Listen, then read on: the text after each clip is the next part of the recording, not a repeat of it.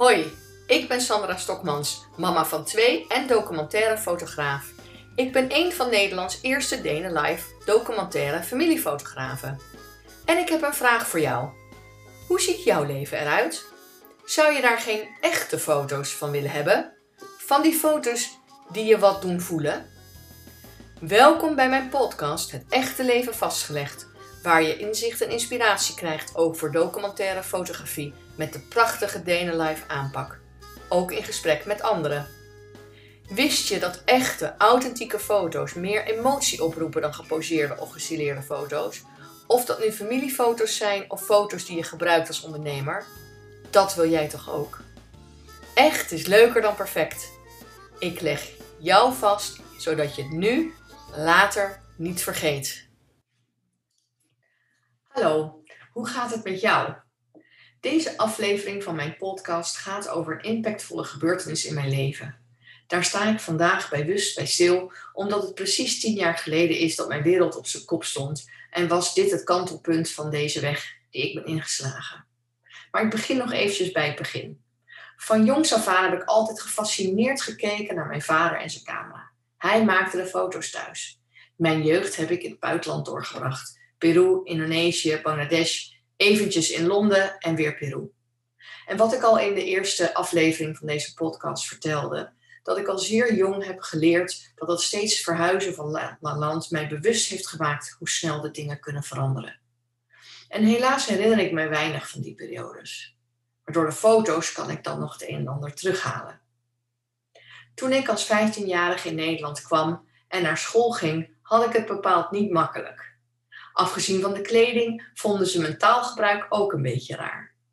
En door het heen en weer gereis en altijd weer vriendinnen verliezen, was ik niet het zekerste meisje.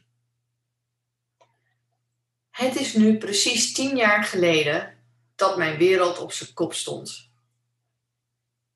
Om half zeven, terwijl wij de kinderen op bed legden, loeien er sirenes door onze straat.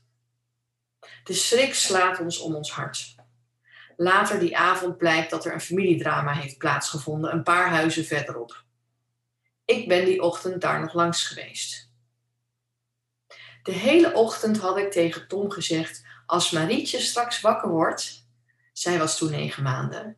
Dus als Marietje straks wakker wordt, schatje, dan gaan we kijken of R en T kunnen spelen. Toen we langs gingen, opende de oudste met vol enthousiasme de deur. Zij zei tegen mij: Het komt nu niet uit, we gaan zo weg. Hoe letterlijk dat was, kon ik toen niet weten. Toen het duidelijk werd wat zich daar had voltrokken, ben ik onderuit gegaan.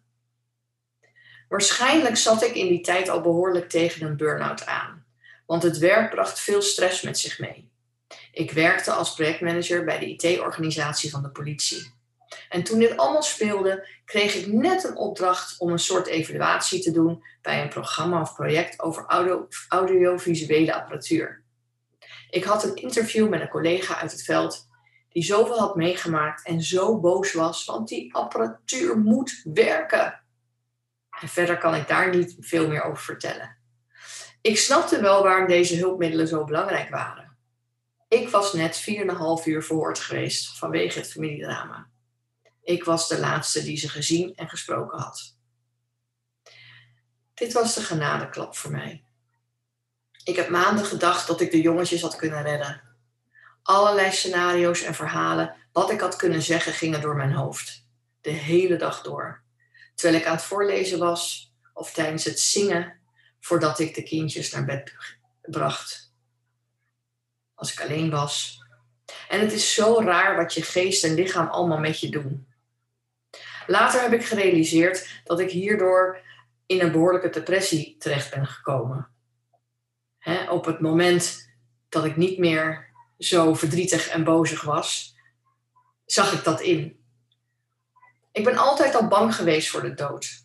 En dan gebeurt het een paar huizen verderop zomaar, zonder waarschuwing, bij twee kleine kindjes. Ik ben zo boos op haar geweest. Ik heb me afgevraagd hoe ze dit heeft kunnen doen. Want de kinderen hebben zo'n liefhebbende, fantastische vader. Ze was ziek. Je kunt en zult zoiets nooit begrijpen En dat is maar goed ook, zeiden ze tegen mij. En dat moet je dan accepteren, denk ik. Maar dat kan ik nog niet. Nog steeds niet, als ik heel eerlijk ben. Ik heb gelijk om hulp gevraagd, omdat ik voelde dat ik niet wist hoe om te gaan met mijn schuldgevoel, met de boosheid in mij, met het verdriet. Dit alles met als enorm gevolg dat ik ook vaak boos werd op mijn eigen kinderen, vaak zonder aanleiding, puur uit onmacht. Vaak kwam het uit mijn mond als gegrom en dan voelde ik me zo schuldig, want diep van binnen wist ik dat Tom en Marietje er niets aan konden doen. Jaren later gromde Marie terug, nog terug. En Tom sluit totaal af als iemand boos wordt. Of zoals hij dat later ontwikkelde, hij ging of hij gaat al zenuwachtig lachen. Hulp kwam er in de vorm van mijn lieve schoonmoeder, die regelmatig er was, en mijn moeder, die elke week kwam helpen. En ik ging naar therapie. Ik werd gediagnosticeerd met een zware burn-out en PTSD, posttraumatisch stresssyndroom. Het trauma, het verdriet ging echt in mijn lichaam zitten, in mijn lijf.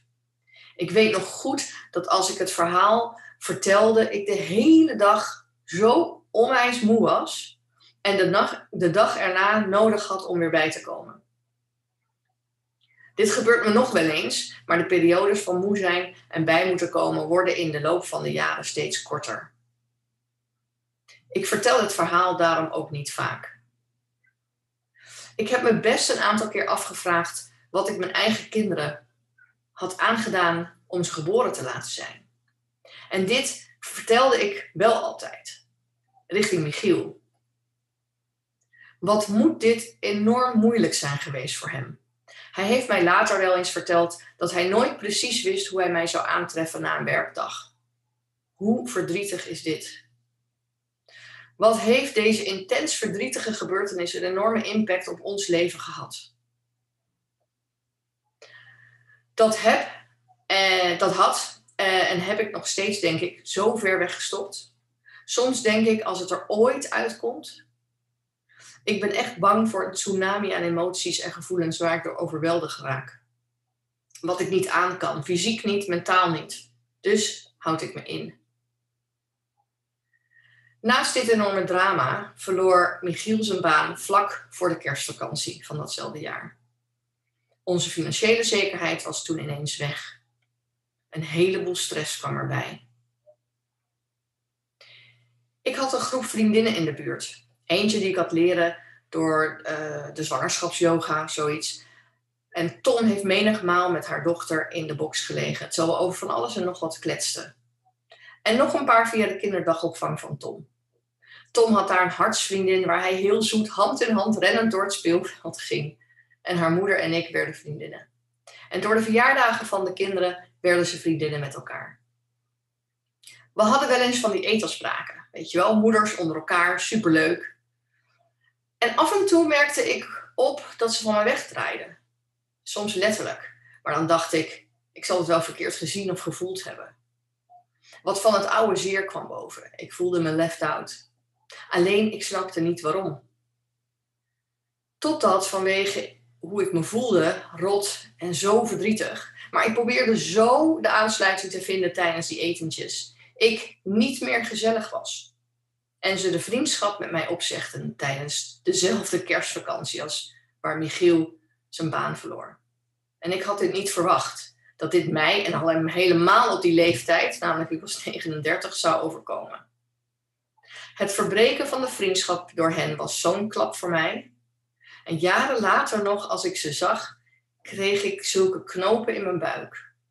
Gelukkig heb ik dat niet meer. Afscheid nemen vind ik al vreselijk. Ik bedoel, ik denk nog steeds maandelijks aan vriendinnen of vrienden uit mijn leven waar het contact verwaterd is of anderszins. Closure, echt afscheid nemen, is belangrijk voor mij. Om er afstand van te doen om het echt als een gesloten hoofdstuk te zien. Want ik ben namelijk ontzettend loyaal. Maar dat zit er natuurlijk niet altijd in. Onzekerheid en het mij afsluiten, in elk geval emotioneel, voor nieuwe personen kwam ervoor in de plaats. Ik zet, zette niet zo snel meer de eerste stap of de tweede stap. Ik wacht af. Ik had in die tijd veel foto's in onze slaapkamer. Als ik wakker werd, keek ik in de liefste gezichten. En in die periode en jaren daarna, nog steeds heb ik niet veel foto's trouwens in de slaapkamer, kon ik die foto's niet meer verdragen. Wanneer ik naar die foto's keek, kwam er in plaats van liefde, warmte en ontroering een golf van immens verdriet over me heen. Toen ik mij realiseerde dat de foto's de katalysator waren, heb ik alle foto's weggehaald en dat heeft geholpen. Fotograferen kon ik nog maar heel zelden. Selecteren en bewerken helemaal niet. Het heeft een hele tijd geduurd voordat ik weer blij kon zijn met de meest basale dingen. Dat ik weer echt kon genieten van mijn drie dierbaren. Dat ik weer kon fotograferen. Door wat er gebeurd is, ben ik me bewust geworden van die dierbare momenten die ik gedurende de dag heb met mijn kinderen, met mijn partner, met mijn ouders en met mijn vrienden. Toen ik weer begon met fotograferen, werd het me steeds duidelijker dat ik alles doe omdat ik visuele herinneringen wil maken voor diegenen die het zich later misschien niet herinneren. Voordat het te laat is. En ik denk, door wat hier gebeurd is, dat ik juist daarom extra gevoelig ben en aangetrokken word door momenten van vaders met hun kinderen, van de tederheid tussen ouders en hun kinderen en van, de, en van het contact tussen ouders zelf of die um, vluchtige momenten die ze gedurende de dag met elkaar hebben. Alleen nog steeds heb ik het gevoel dat ik mezelf niet helemaal geef. Dat ik mezelf niet helemaal overgeef. En dan heb ik het niet in het kader van het werk, want daarin geef ik me 100% plus. Ik ga er helemaal voor. Maar van mij persoonlijk, van mijzelf persoonlijk. Vanmorgen zijn Michiel en ik een rondje gaan wandelen rond de stille plas in Maarsen. En hebben we stilgestaan bij R&T.